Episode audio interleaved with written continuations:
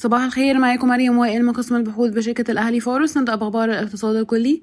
قيمة ديون مصر الخارجية المستحقة السداد في عام 2024 42 مليار و300 مليون دولار بما في ذلك مدفوعات الفوائد. يمكن لمجموعة بفار جروب الصينية بناء مجمع صناعي بقيمة 2 مليار دولار لإنتاج المواد الكيميائية المتخصصة في شرق بورسعيد.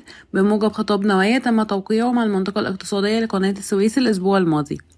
ستقوم شركة سكاتك النرويجية بتطوير مصادر الطاقة المتجددة بإنشاء مشروع لتخزين البطاريات بموجب اتفاقية موقعة مع الشركة القابضة لكهرباء مصر قالت وزيرة البيئة المصرية أن مصر ستوقع مشاريع بقيمة 270 مليون دولار تهدف إلى خفض انبعاثات الكربون في القطاع الصناعي ستطلب وزارة المالية التوسع في استخدام التمويل الأخضر في تمويل المشروعات التي تقلل من انبعاثات الكربون وافق مجلس الوزراء على مذكرة تفاهم ستسمح لشركة China Electric Power Equipment and Technology ببدء دراسات الجدوى بشأن مشروع مقترح للطاقة الشمسية بقدرة 10 جيجا وات تعهدت خمس دول والاتحاد الأوروبي بتمويل مبلغ إجمالي قدره 420 مليون دولار لصندوق الخسائر والأضرار لمساعدة الدول النامية في مكافحتها لتغير المناخ. ننتقل لأخبار القطاعات والشركات. قمنا برفع القيمة العادلة لسهم أوراسكوم كونستركشن إلى 233 جنيه و65 قرش للسهم بدلا من 192 جنيه و45 قرش للسهم كما حافظنا على توصياتنا بزيادة الأوزان. يتم تداول سهم أوراسكوم كونستركشن حاليا عند مضاعف ربحية لعام 2024 11.4 مرة و EV to EBITDA 3.2 مرة.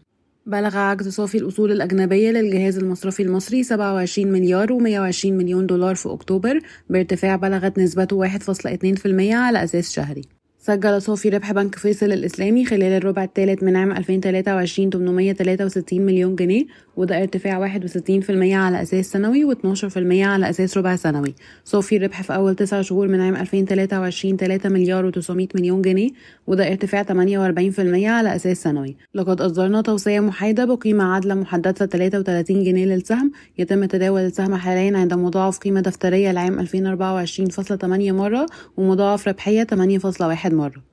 وافق بنك التنمية الأفريقي على حزمة مالية بقيمة 148 مليون دولار للبنك التجاري الدولي والتي سيتم استخدامها لإقراض عملائه وتعزيز مركزه الرأسمالي.